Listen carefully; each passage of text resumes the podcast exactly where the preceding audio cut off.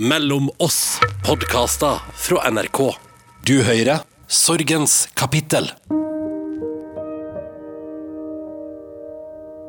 Når en du elsker dør, så er det egentlig ingen som kan hjelpe deg.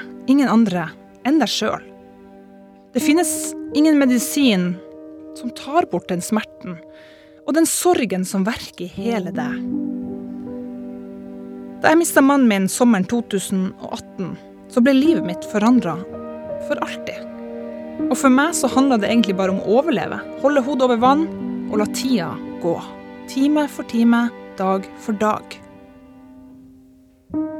Men så, med denne nydelige tida, så kommer gradvis smilet tilbake igjen. Så kommer gleden.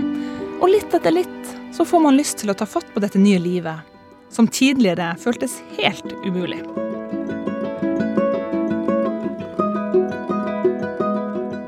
Dette er Sorgens kapittel, og jeg heter Karen Marie Berg. Her i denne podkasten møter jeg andre som har opplevd det samme som meg, å miste en de elsker. Miljøforkjemper Nina Jensen trodde at det var jordkloden hun skulle redde. Men så tok livet en helt annen vending da mannen Nikolai ble alvorlig syk. I over ett år håpa de at kreften skulle slippe taket. Men i slutten av juli 2019 dør Nikolai ifra henne. Og det å leve videre uten mannen sin er mildt sagt krevende. Men Nina vet. Hun vet hva Nikolai ville sagt til henne nå.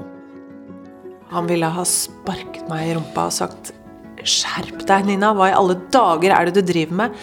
Ligge der hjemme på sofaen i fosterstilling og gråte. Herregud, kom deg videre. Nå må du bli den der livsglade, optimistiske jenta som jeg traff opprinnelig. Men det er ikke så lett å komme seg opp og ut og være blid når hele kroppen er i krise. Det er rett og slett vanskelig å puste, for sorgen er så krevende at den til tider føles som kvelende. Nina og jeg har begge mista mannen vi elsker, men historiene våre er ganske ulike.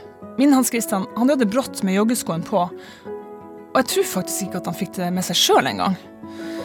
Nina sin Nikolai døde svært motvillig etter omkring ett års sykdom. Det er nesten så jeg ikke husker noen ting av den tiden. Det var veldig vanskelig å klare å stå opp. Eh, man gikk jo nesten bare og lengtet til man kunne gå og legge seg igjen. Og hvor man jo da våkner opp med en eller annen sånn forsiktig håp om at dette kan ikke stemme. Um, og du prøver å liksom ta bort ved siden av deg i sengen for å føle at han faktisk er der. Og så er han jo ikke det. Jeg husker selvfølgelig alt rundt planlegging av uh, begravelse og sånt, for man blir veldig operativ, tror jeg, på en del sånne ting. Men alt av hva som foregikk her hjemme, uh, hvordan jeg klarte å komme meg ut av, uh, av senga, og hva som skjedde imellom, klarer jeg nesten ikke å, å huske. Alt er en sånn sammenhengende grå eh, masse. Og det var, eh, husker jeg, ekstremt tungt.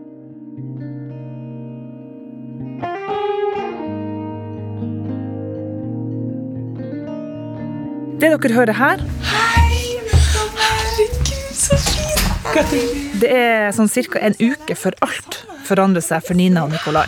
Så nydelig. Herregud. er jo Nå verdens sier jeg vakreste. herregud veldig mange ganger. og her er det ballonger og Dette her det er våren 2018, og jeg møter en overlykkelig mamma. Her sitter vi altså med lille Eik. Hei, velkommen til verden. Som er nøyaktig to uker. Og Nina, hvordan er tilværelsen nå? Den er helt vidunderlig, det må jeg si. Altså. Vi har jo vært så heldige at vi har fått et utrolig snilt barn. Så han uh, sover masse og har det egentlig bare helt, uh, helt på G. Og så skjer det som ikke skal skje. Jeg sto på badet eh, med Eik. Nikolai kommer styrtende inn og sier nettopp det. Det er, noe, det er noe som skjer. Det er noe galt med meg. Eh, Jeg tenker jo først at han kanskje får hjerneblødning eller slag eller et eller annet, så, så jeg ber han jo om å løfte opp armene, smile, le, prate, gjøre alle disse tingene som man skal ha som kontrollmekanisme, og alt det funket. Men eh, han ble i økende grad usammenhengende. Det var vanskelig å skjønne hva han mente, og han var åpenbart redd. Eh, han ville ikke legge seg ned eh, og sa at hvis jeg legger meg ned nå, så kommer jeg ikke opp igjen. Så jeg ringte umiddelbart til eh, ambulansen, eh, og, og de ba om å få prate med han pratet med han i noen få minutter. Eh, og så fikk jeg røret tilbake, og så sa hun ambulansen er der om fem minutter. Så de skjønte jo åpenbart at her var det eh, noe galt. Så jeg fikk jo familien, moren min og broren min til å, å komme og for å passe på Eik. Og Nikolai klarte å gå ned til ambulansen selv sier til Tilbake til hans kontrollbehov, så sier han til ambulansepersonellet at har dere nødvendig utstyr for å gjenopplive meg dersom jeg skulle dø? Og jeg tenker Nikolai, det er en ambulanse. Selvfølgelig har de det. Men, eh, men, han var så sikker på at her var det noe som var alvorlig galt, eh, og ville være sikker på at alt var på stell. Så de betrygger han om det, og idet han legger seg da ned på båren, eh, så går han inn i et veldig kraftig epileptisk anfall. Så når vi da kjører i ambulansen, så tror jeg egentlig at han dør der og da. For det var så sterkt. Han skriker og, og Nei, det var helt grusomt. Så vi kommer inn på akuttmottaket, og de gjør alle nødvendige undersøkelser. Og, og jeg sitter jo inne i samme rommet eh, og hører jo på de spørsmålene de stiller til han. Han klarer ikke å, å svare. Han lager bare sånne øh, lyder. De ber han om å løfte armer og bein. Han klarer ikke å løfte noen ting. Uh, han, han, er rett og slett helt borte. Og da tenkte jeg nå, nå har jeg mistet han. Og det skjedde liksom på et knips? Ja. Det var ingen forvarsel på det? Ingen forvarsel. Han hadde ikke hatt noe vondt noe sted. Ingen utfordringer. Eh, ikke hodepine, ikke svimmelhet. Altså ingenting. Det kom som lyn fra klar himmel. Så heldigvis, i løpet av eh, den ettermiddagen og kvelden, så, så kommer han jo til seg selv. Og det var jo et av de lykkeligste øyeblikkene i hele denne prosessen, når han faktisk kunne se på meg og si 'Hei, elskling, hvordan går det med deg?' Um, jeg tror jeg sjelden har grått så mye, for da følte jeg liksom at jeg mistet deg ikke likevel. Du er her, du er klar. Dette skal gå bra. Men det her skulle vise seg å være starten på slutten. Hvor Nina og Nikolai prøver alt som finnes av behandling for å beholde Nikolai i live. Og selv om det er mørkt, så er det likevel viktig for Nina å holde på det lyse og det gode i livet. Midt oppi alt det her, kunne dere le av uh, ting, eller Ja, absolutt. Så um, vi prøvde jo virkelig det, helt til, uh, til siste stund. Og jeg var jo også veldig opptatt av det når folk var her. At det ikke skulle være dystert. ikke at man ikke skulle få lov til å, å, å gråte og vise følelser. Men det skulle hele tiden være med en optimistisk undertone. Eh, at man skulle bevare håpet eh, hele veien. Eh, og da medførte jo det at man tøyset med en del ting. Enten det var fordi han snubla litt, eller at han sa et eller annet veldig rart ord. Det, det var Han skulle bl.a. si stryke, strykebrett på et eller annet tidspunkt, og da sa han en sånn brekkjernsplanke. og det var jo sånt som vi da kunne, kunne le eh, masse av, eh, begge to. Eh, fordi at han jo da Når jeg sa det tilbake til han, så skjønte han jo at dette var jo veldig rart. Men det var ikke sånn det hørtes ut når det kom ut. Eh. Så han kunne fortsatt le av det, da? Han kunne fortsatt ja. le av det. Så det tror jeg er viktig i enhver eh, sorgprosess, eh, og sykdomsprosess, ikke minst. At man tar seg tid og finner rom til å, å le eh, og ha ironi, men ikke minst håp og, og optimisme. For det er ekstremt tungt eh, og vondt å stå i.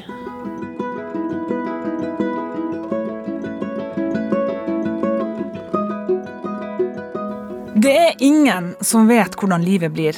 Ingen som har den krystallkula som kan fortelle deg hva som kommer til å skje rundt neste sving. Men for både Nina og meg som har opplevd det å miste den vi skulle leve livet sammen med, så ville vi jo ikke valgt annerledes, selv om vi hadde fått muligheten. Fordi den tida vi fikk sammen med dem, den kjærligheten, den ville vi aldri vært foruten. Nei, altså Jeg vil jo først si at uh, vi hadde jo en helt uh, spesiell kjærlighet. Og jeg har jo aldri møtt noen som, som Nikolai noensinne. Um, og vi møttes på afterski, av alle ting, i Trysil. På en pub der som heter Låven. og jeg var på utdrikningslag for en venninne Eh, som bodde i Trysil, og som dermed hatet afterski, så det passet jo perfekt. Og Nikolai hadde hytte i Trysil, så han var der med noen eh, kompiser. Eh, og jeg var overhodet ikke interessert. Uh, hadde en, uh, mange år med dating bak meg og hadde nå bare tatt en helt pause og skulle være fullstendig til stede på utdrikningslaget. Um, og han var veldig vant til å få det som han ville, og syntes sikkert det var veldig spennende når det var en som ikke var fullt så interessert. Så, men han fikk øynene opp for, for meg når, når, jeg skulle gå i baren og kjøpe litt drikke til disse jentene, fordi det var altså tettpakket med folk der, og det sto rader på rader på rader med folk linet opp i baren. Uh, og jeg stiller meg da opp helt bakerst, uh, skanner uh, folkemengden og prøver å finne ut hva er raskeste vei rett fram i baren. Finner en luke i den svære folkehavet. Stuper inn, kommer meg foran til baren kommer tilbake ut med seks flasker i, i hendene. Eh, og eh, Nikolai hadde da tenkt dette er en dame som er målbevisst og får det som hun vil. Hun skal jeg ha. Og sånn ble det. Eh, selv om jeg ikke i utgangspunktet var sånn kjempeinteressert i å prate med han der, så fant han da ut at da prater jeg med bruden. Så han eh, la beslag på hun som ble drukket ut, pratet med henne kanskje i en time, hvorpå hun da kommer bort, drar tak i meg og sier 'Nina, han her skal du prate med'. Og siden den dagen så har vi vel vært sammen stort sett hver dag. Traff han igjen senere den kvelden, dagen etterpå, og vi flyttet sammen i løpet av en uke. Og hadde rett og slett eh, et helt fantastisk liv sammen. Var han liksom den typiske mannen du kunne falle for? Ja, på mange måter. Eh, både fordi han var en, flott mann å se på, eh, og han hadde en utrolig utstråling eh, av sjarm og selvsikkerhet og trygghet. Men det var jo særlig eh, hva som rørte seg opp i hodet hans eh, og inni hjertet hans, som bergtok meg. han var en av de klokeste, mest kreative eh, og sprøeste menneskene jeg har møtt på samme tid. Så det var både gøy og inspirerende og utrolig fint eh, å være sammen med Nikolai. Og til kontrast fra tidligere forhold, det var at vi ble aldri lei. Man fikk bare aldri nok. Eh, selv om man var sammen hele tiden, så ville vi bare mer. Og det gjør det jo ekstra tungt nå, eh, selvfølgelig, men det var jo helt fantastisk da. Eh, å kunne få dele livet ditt med en mann som du bare ikke får, eh, får nok av. Og som hver eneste morgen når du våkner opp, så, så blir du bare glad når du får se han liggende ved siden av deg.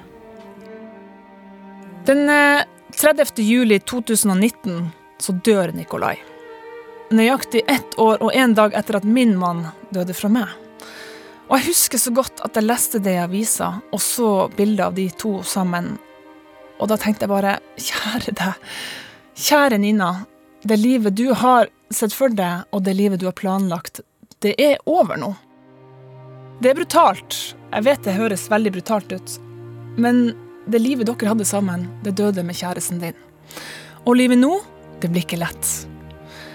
Men jeg tenkte også at hvis jeg overlever dette, så skal du også klare det. For min del så skjønte jeg ikke at han kom til å dø før den siste halvtimen, før han trakk sitt siste pust. Selv når han var på sitt sykeste her hjemme, han ikke kunne gå, jeg måtte trille han rundt i rullestol, løfte han opp og eh, inn og ut av eh, senga. Eh, han kunne ikke spise selv. Altså alt. Så Jeg bare nektet å akseptere.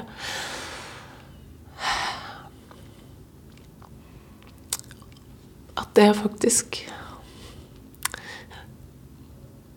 skulle bli resultatet.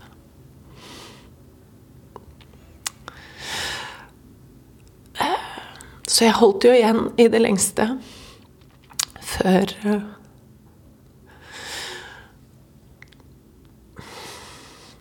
Før jeg ønsket at han skulle på sykehjem. Fordi jeg tenkte at eh, kommer han først inn på et sykehjem, så kommer han ikke ut igjen. Men det er klart, på et eller annet tidspunkt så Når han ikke får i seg mat, han klarte ikke å få i seg væske, det strammet seg til i halsen, en del sentrale funksjoner bare stopper opp, så er det ikke lenger forsvarlig å, å ha han hjemme.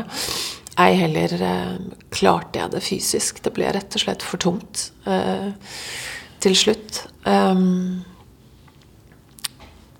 det gikk vel sakte, men sikkert eh, opp for meg uten at jeg helt fullt ut ville akseptere det. Og det er jo det er jo litt sånn vi har vært skrudd sammen alltid, og sånn vi har levd våre liv sammen. Vi skal få til det umulige. Vi skal redde livet i havet. Vi skal gjøre en forskjell for øh, miljøet. Vi skal finne en løsning på hjernekreften. Og i hvert fall skal det være oss to sammen til vi blir gamle. Men sånn skulle det da ikke bli.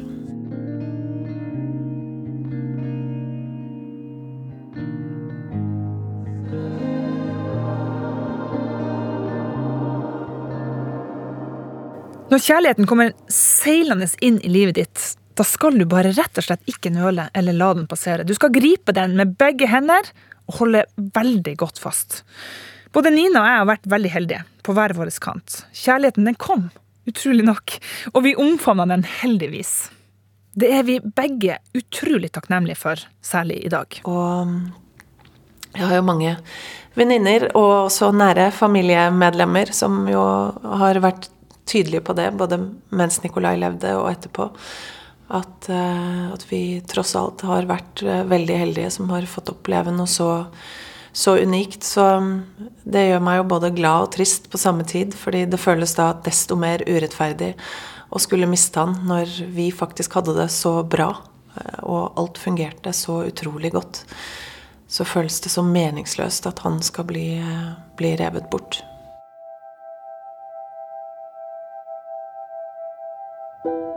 Det rumler i magen min. Jeg tror jeg skal ta og spise en sånn her.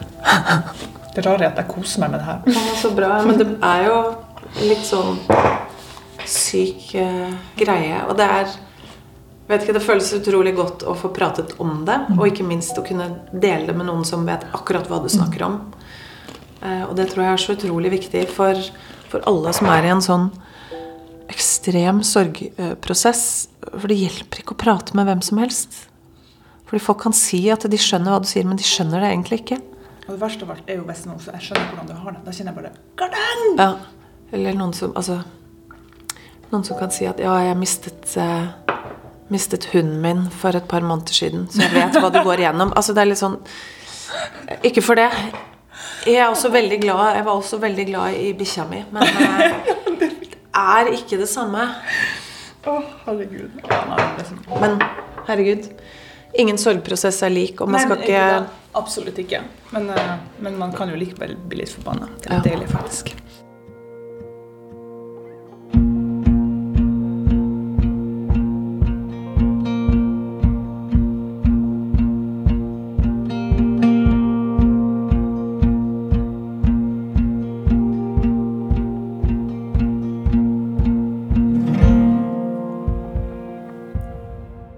Kanaliserer du da sinnet ditt?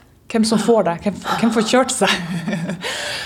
Ja, det har nok vært mange som har havnet i den eh, kryssilden, eh, for å si det sånn. Eh, men stort sett så har jeg jo prøvd å bare ta det ut ved å stå og skrike ute i skogen. Eller å slå i veggen. Eller altså få ut energien på den måten. Men, men, det er klart, jeg kan jo gå på gaten og noe helt tilfeldig. Kanskje noen kan dulte borti meg, og da kan jeg liksom fyre av en kraftsalve til dem, eller eh, noen i familien kan stille et feil spørsmål, Eh, og så kan de få så hatten passer, uten at det på noen som helst måte er fortjent. Så jeg har jo bedt om unnskyldning veldig mange ganger i løpet av denne perioden for uh, ukontrollert sinne, for å si det sånn. Og prøvd å forklare hvorfor er det sånn, og hvorfor kommer det til å være sånn. sannsynligvis i en lang tid fremover. Og det er fordi man bærer på så mye sorg og uforløste følelser som bare må komme ut i en eller annen form. Og det, det er, har ikke kontroll på verken tidspunkt eller når det skjer. Det bare skjer. Da Hans Christian døde, så føler jeg veldig sterkt at jeg mista en del av min identitet. Gjennom det å være et par, ha en familie sammen, og ikke minst at vi hadde et felles sett med verdier, det gjorde oss på en måte til en enhet. For meg så har det vært veldig vanskelig å finne ut av hvem er egentlig jeg nå, etter at han ble borte for meg. Og ofte så har jeg tatt meg i det når jeg står hjemme på kjøkkenet og lager middag, at jeg snur meg mot han for å høre hva han mener om et eller annet. Men selvsagt, det kommer jo ikke noe svar, for han sitter jo ikke der. Og du har jo alltid eh, hatt noen å spare med, stille de spørsmålene, så jeg har jo fortsatt Nikolai på liksom, eh, hurtigtast på telefonen og tar meg veldig ofte i at nå må jeg ringe han og spørre. Uh, og det hender jo faktisk at jeg spør han, bare ut i luften. 'Nikolai, hva, hva mener du? Hva skal vi gjøre nå? Hva, hva, tror du om dette her?' Og så prøver jeg da faktisk å sette meg inn i hva ville han ha sagt nå? Og så tenker jeg ja, det var, det var klokt. Vi gjør det sånn. det er jo mye rart man kan finne på å gjøre i en sorgprosess. Har du noen opplevelser der du tenker sånn Hva var det jeg gjorde der, egentlig? Mm. Ja, vel eh, flere ting. Eh, blant annet så hadde Nikolai en, eh, en skjeggtrimmer som jeg skulle legge vekk og rengjøre før jeg skulle gi den bort. Så jeg sitter med eik på badet og skal gjøre det. Og ut av den så detter eh, en av eh, skjeggstubbene til Nikolai. Og jeg sitter altså og tviholder på denne skjeggstubben. Akkurat som at jeg liksom føler at jeg holder Nikolai i den lille skjeggstubben. Så klarer Eik å dulte borti meg, så jeg mister den, og den blir borte. Og jeg blir altså på grensen til hysterisk. Altså jeg blir så sint og lei meg og alt mulig eh, på samme tid. Du tror jeg rett og slett ble helt forfjamset og skjønte ikke hva i alle dager er det som foregår nå. Så jeg måtte jo eh, virkelig ta meg sammen eh, og be om unnskyldning og alt mulig. Men, eh, men jeg tror det er så irrasjonell som man kan bli. Man er så desperat etter å ha noe å holde seg fast i, og, og ha dem der, det ja, det er sånn jeg kan tenke på i ettertid. bare Hva i alle dager var det som skjedde da? Og så skal jeg innrømme at jeg har ikke klart å rydde vekk eh, klærne hans, eh, skoene hans, eh, og ser ikke for meg at det kommer til å skje i overskuelig framtid. Det må bare være der. Inntil at det plutselig oppfattes som rett ja. å gjøre? Ja. Når det, det kommer. Mm. Når det kommer. Er det noen som har prøvd å si til deg nei, nå må du ta, og, ta ja. rydde sjøl? Ja. Og så tenker jeg nei, det må jeg ikke. Og du skal i hvert fall ikke fortelle meg når jeg skal gjøre det. Nei, det er ikke sant. Jeg vet akkurat når det tidspunktet kommer, og ja. før det kommer, så skal jeg ikke gjøre det. Så jeg har fortsatt uh, aftershaven hans stående uh, på badet, og sånn må det bare være. Er du borte og lukter på av og til? Ja. jeg skal innrømme det. Og det er, og det er nesten helt merkelig. Men uh, når jeg lukter på den, så er det nesten akkurat som en uh, rus. Altså lukt er så sterkt. Så det er akkurat som man liksom blir, uh, blir Som jeg blir liksom transportert rett inn i halsgropen hans. Og de øyeblikkene der, de er ekstremt mektige. Så det er, uh, det er rart hva man, uh, hva man gjør. Og så er det veldig godt. Veldig godt. Ja. Og det som jeg syns har vært veldig deilig, er jo å dele en del av disse rare tingene kanskje som man gjør. Og få en eller annen bekreftelse på at du er ikke gal. Vi er flere som gjør de samme tingene, som reagerer irrasjonelt, som får ukontrollerte raseriutbrudd, som klamrer oss fast i skjeggstubber eller T-skjorter eller hva det nå skal være. Og det er helt normalt. Står og lukter på skjorta Ja. som ikke er vaska ennå. Det er jo helt absurd at man gjør sånne ting. Men Ja. jeg, klarte jo å klikke på søstera mi for at hun hadde vaska skittentøyet hans. Og jeg bare sånn Hæ? Har du vaska klærne hans? Ja. Åh, nei. Og jeg kan bare levende forestille Ja. meg hvordan det må ha Men det så for dere begge, Ja, ja, egentlig. ja. Eh, men så var det bare etterpå så tenkte åh, egentlig så var det bare bra at hun da gjorde en feil der. Fordi at da fikk jeg det egentlig litt bort. Det var en fin, et steg på veien da.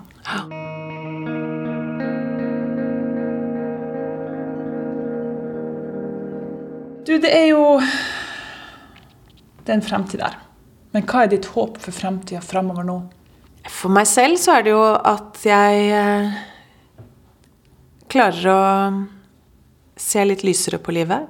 Eh, at jeg klarer å bli positiv, eh, livsglad, litt mer optimist enn det jeg er akkurat nå. For det vet du at Nikolai ville at du skulle bli. Ja, han ville ha sparket meg i rumpa og sagt Skjerp deg, Nina. Hva i alle dager er det du driver med? Ligge der hjemme på sofaen i fosterstilling og gråte. Herregud, kom deg videre. Nå må du bli den der livsglade, optimistiske jenta som jeg traff opprinnelig. Eh, og Som ikke brasa til barn og bare rev ut åtte øl. Nettopp. Akkurat sånn. Kom deg ut også på bar med venninner, le og ha det gøy. Og så skal vi møtes igjen en gang i framtiden. Så det er det jeg prøver å klamre meg fast i. Så det er det. Um, bli glad igjen. Um, Bli glad igjen. Du skal, du skal bli glad igjen. Men hva tenker du om uh, Jeg vet at det er helt idiotisk spørsmål, for det vet jeg. Hva tenker du om det å elske noen igjen? ja, akkurat nå føles det rett og slett helt uh, idiotisk. Og det kan føles Ehm, veldig provoserende. Ja, jeg blir nesten litt sint, eh, kjenner jeg, når jeg får eh, spørsmålet.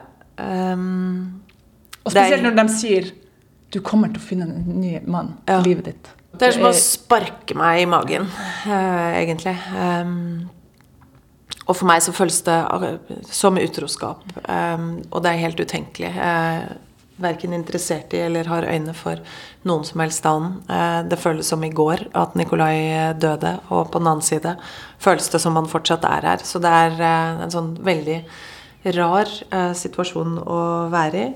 Samtidig så kjenner jeg jo veldig mange som har mistet eh, den de elsker, og som nå lever lykkelige liv. Eh, og som jeg jo er veldig glad for at de gjør, eh, og som gir meg et eller annet håp om at det er mulig på et eller annet tidspunkt å, å gå videre. Men for meg så er det ikke en del av, av ligningen eh, nå, og akkurat nå så er det helt utenkelig å, å se for seg. Jeg har alltid tenkt sånn, I teorien så skjønner jeg det. At det er viktig å finne noen, for det har jeg lest et sted. at det, det for psyken sin del kan være lurt å finne noen å elske igjen. Ja. Men i praksis er det jo veldig vanskelig å få til. Nei, men og ære være Og jeg tror faktisk veldig på det. At klarer du å finne kjærligheten på ny, så gjør det jo livet bedre for eh, deg selv og lettere å, å komme igjennom sorgen. Og jeg har også lest det et sted, og det er mange som har sagt det. Så da er det jo en stor sannsynlighet for at, eh, at det stemmer. Men eh, akkurat nå så tenker jeg jo først og fremst på hvor heldig jeg er som har fått oppleve så bunnløs eh, kjærlighet med Nikolai. At om jeg aldri eh, treffer noen om å leve resten av livet mitt alene, så er jeg veldig fornøyd med det. Jeg har fått tolv år med ubeskrivelig kjærlighet, som er mer enn eh, det de fleste får. Jeg er jo på en måte ett år foran deg i tid, ganske nøyaktig. Ett år og en dag er det forhold, eh, forskjell mellom din mann og min manns død. Eh, og jeg kjente egentlig på det tidspunktet der du er nå, at jeg var bare så utrolig lei og sliten av den sorgen. Jeg ville bare ta en pause. Men man kommer seg jo ikke ut av det. Nei. For man surrer jo rundt i den der sorgens pøl. Ja, virkelig. Og det er litt sånn jeg, liksom rekker opp hånda og så sier jeg, hallo, jeg har ikke bestilt billett på dette toget. Det var ikke her jeg skulle. Dette er ikke min destinasjon. Jeg skulle et helt annet sted. Kan noen være så snill bare stoppe toget og slippe meg av? Men eh, toget fortsetter jo eh, likevel. Eh, det, du kommer deg ikke av. Eh, så du må bare prøve å gjøre det beste ut av det. Så det jeg har funnet at i hvert fall funker utrolig bra for meg, er å puste godt, både inn og ut, og akseptere at eh, disse sorgbølgene bare kommer skyllende over, og la de på en måte skylle igjennom. Men også sørge for å gi meg selv eh, pauser. Eh, enten ved å forsøke å gjøre noe hyggelig, tenke på noe annet.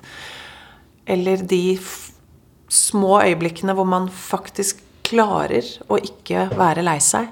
At man virkelig hegner om de øyeblikkene, og da ikke la noen ødelegge dem med negativ energi.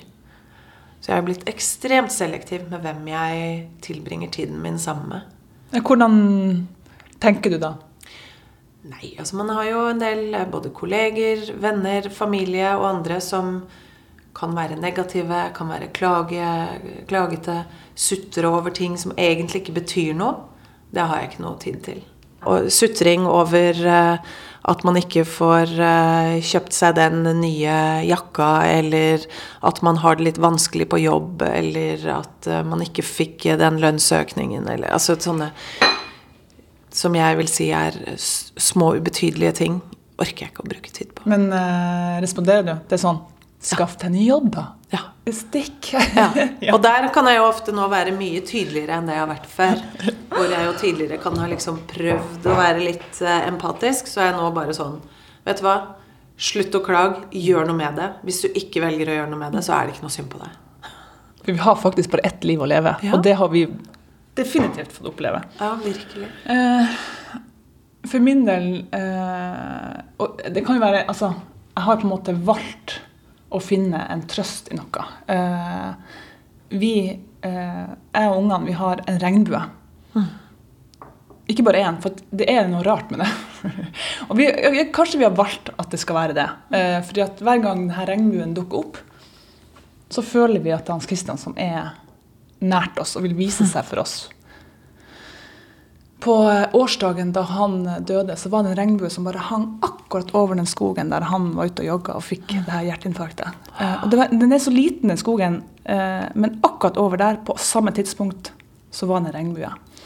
Da dattera vår begynte på skolen, så hang regnbuen rett utafor kjøkkenvinduet vårt. Og på bursdagen til sønnen vår så var den regnbuen der også. Og så kan det godt være å si at ja, ja, du kan jo bli ganske liksom, Det høres rart ut, og det høres teit ut, men vet du hva, det er jo en trøst for oss. Ja, virkelig. Og jeg syns ikke at noen skal få lov til å definere det som, som rart, eller at det ikke stemmer. Nei. Det er bare utrolig fint. Ja, det er faktisk det. Ja. Men har du noe på samme vis? Ja, absolutt. Eh, og klamrer meg nok fast i, i, mange ting. Jeg har jo aldri vært spesielt eh, spirituell eller, eh, eller trodd på Verken liv etter døden eller noe annet. Men det tror jeg definitivt på nå. Eh, det har skjedd eh, utrolig mye uforklarlig i livet mitt etter at Nikolai døde.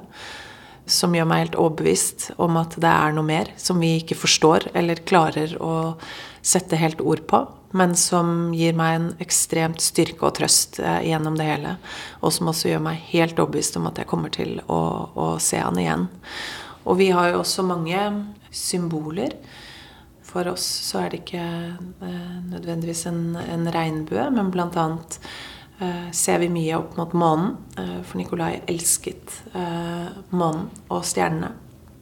Og det er eh, veldig, veldig fint eh, å kunne, kunne, kikke opp på. Så når, eh, når det er fullmåne og Eik og jeg går ute, så peker han opp og så sier han 'Pappa!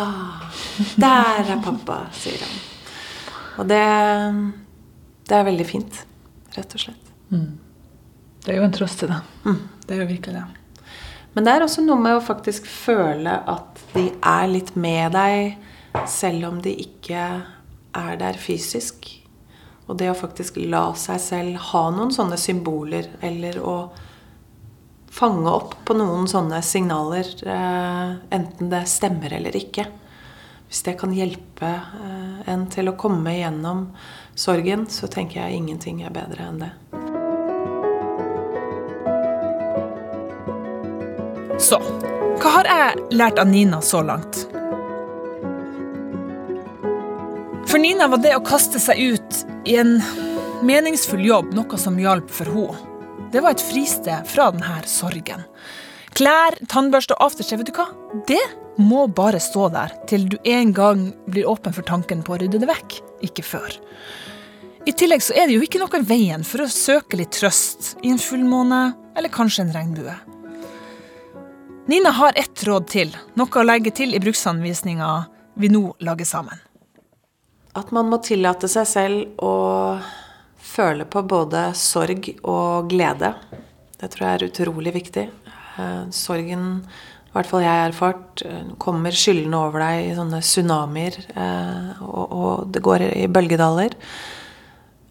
Og det å la deg selv Ikke steng følelsen din inne, men, men la det komme.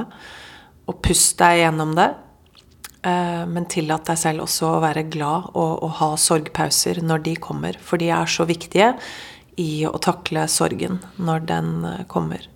Og så er det dette med å finne ut av uh, hva som gjør deg glad, og hva er det som tar energi vekk fra deg. Prioriter da de tingene som faktisk kan hjelpe deg med å bli litt glad igjen. Hva gjør deg glad? Å være sammen med positive folk eh, som, har, eh, som, gjør noe bra for de rundt seg. Eh, og for, eh, for, verden, for miljøet. Å være ute i naturen storslåtte naturopplevelser. Enten det bare er å sitte på et uh, fjell og, og, se utover uh, solnedgangen, eller uh, være ute på en båttur og nyte roen av havet. Det gir, gir, meg både ro og lykke. Og friske blomster og et ryddig hjem. Rett og slett. Ikke minst. Nei, Nina, vet du hva jeg er sikker på? Du har sagt at det må være håp, og det er jo håp. Og innerst inne så tror jeg det, og vet det. Ja. Men tid er jo også en medisin. Ja. Nå er det jo eh, snart gått et år. Og jeg skal jo innrømme at jeg har lengre sorgpauser nå enn jeg hadde i starten. Så det må jo tyde på at det går fremover. Men så kjenner man også litt på sorgen over at det slipper litt. Mm. Så får man litt panikk. Man får litt dårlig samvittighet, mm. på en mm. måte. Mm. Jeg kjenner at de, de, dagene, hvis jeg kanskje har hatt to-tre dager hvor jeg har klart å Ikke at jeg ikke tenker på Nikolai, for jeg tenker på han hele tiden. Men jeg får ikke lyst til å gråte hver gang jeg tenker på han. Så får jeg veldig dårlig samvittighet, og så tenker jeg å herregud, hva er det som skjer nå? Går det an? At sorgen kan slippe litt? Men det da er det jo sikkert også viktig å ikke prøve å dra seg selv ned igjen i sorgdalen. Og prøve å være der oppe. Mm. Fordi det er faktisk sånn at livet går videre. Jeg har en sønn, du har også to flotte barn. Vi må komme oss videre. Vi må leve vårt liv. Eh, og, og, det er der de vil at vi skal være. Ja. Litt opp på høyden. Ja. Det, ikke, det skader ikke. Sånn. Nina, jeg er veldig glad for at du finnes og at du har delt livet og døden med oss. Og en dag så skal vi rett og slett være glad. Vi skal danse på bordet Ja, det skal vi. og ha det skikkelig skikkelig gøy. Skikkelig gøy skal vi ha det. Når staden snart dør og gården blivit hvit, da vet du at jeg drømmer, jeg drømmer de hit. Når alt snart dør og gården blivit kald, da vet du at jeg drømmer, fri snø. Det är sommoln overalt. Då vet du att jag finns, att jag finns kvar hos deg. Trots at jeg alltid springer, ja der du har meg. Om du inte hör mig, om du inte gör så ska jag sjunga för dig precis så du hör. Neste episode i Sorgens kapittel kommer onsdag 20. januar. Komiker Nils Ingar Odne mista sin Ida. Hun ble bare 30 år gammel. Nei, det er jo absurd hver gang man tenker på det, liksom. At vi At det bare At, at det tar slutt liksom sånn så brått, da. Det er liksom ingen forvarsler, ingenting. Hun vurderte om hun skulle reise bort den helga. Nei, jeg blir hjemme. meldte seg på et løp dagen før, litt på sparket. Jeg bare gjør det, liksom. Det har jeg tid til i morgen. Spiste middag kvelden før Nei, ettermiddagen før. For hun var ferdig på jobb, og jeg skulle da spille teater. Så vi bare møttes på en lokal pizzasjappe, tok en pizza sammen. Hun var på vei hjem, jeg er på vei på jobb. Uh, dro hvert til vårt, liksom. Og det liksom skulle bli siste gangen vi spiste middag sammen. Det er jo helt absurd, liksom. Hør Sorgens kapittel med Nils Ingar Odne her i radioappen NRK Radio 20. januar. Du har hørt en podkast fra NRK. Hør flere podkaster og din NRK-kanal i appen NRK Radio. Hei, jeg heter Kristine og har lagd en podkast om følelsene våre. Jeg syns det er kult når folk er sånn skikkelig forbanna på deg. Før jeg begynte, så ante jeg ikke at ydmykelse ble kalt følelsenes atombombe. Han har på en måte satt meg på plass så grundig. Eller at Bergen var skadefrydens hovedstad. Skal jeg innom at jeg hadde skadefryd for Boris Johnson. Jeg håpte faktisk Donald Trump òg hadde korona. Eller at Bob Dylan ikke hadde vært Bob Dylan uten bitterhet. Teksten blir bare verre og verre. Du har nå lovet å holde meg i hånden når jeg dør, da. Så vi får nå se om det er fotballkamp da eller ikke. I podkasten Følelsen får du høre historier fra innsiden som veldig ofte tyter ut. Last ned podkasten Mellom oss og hør serien Følelsen i appen NRK Radio.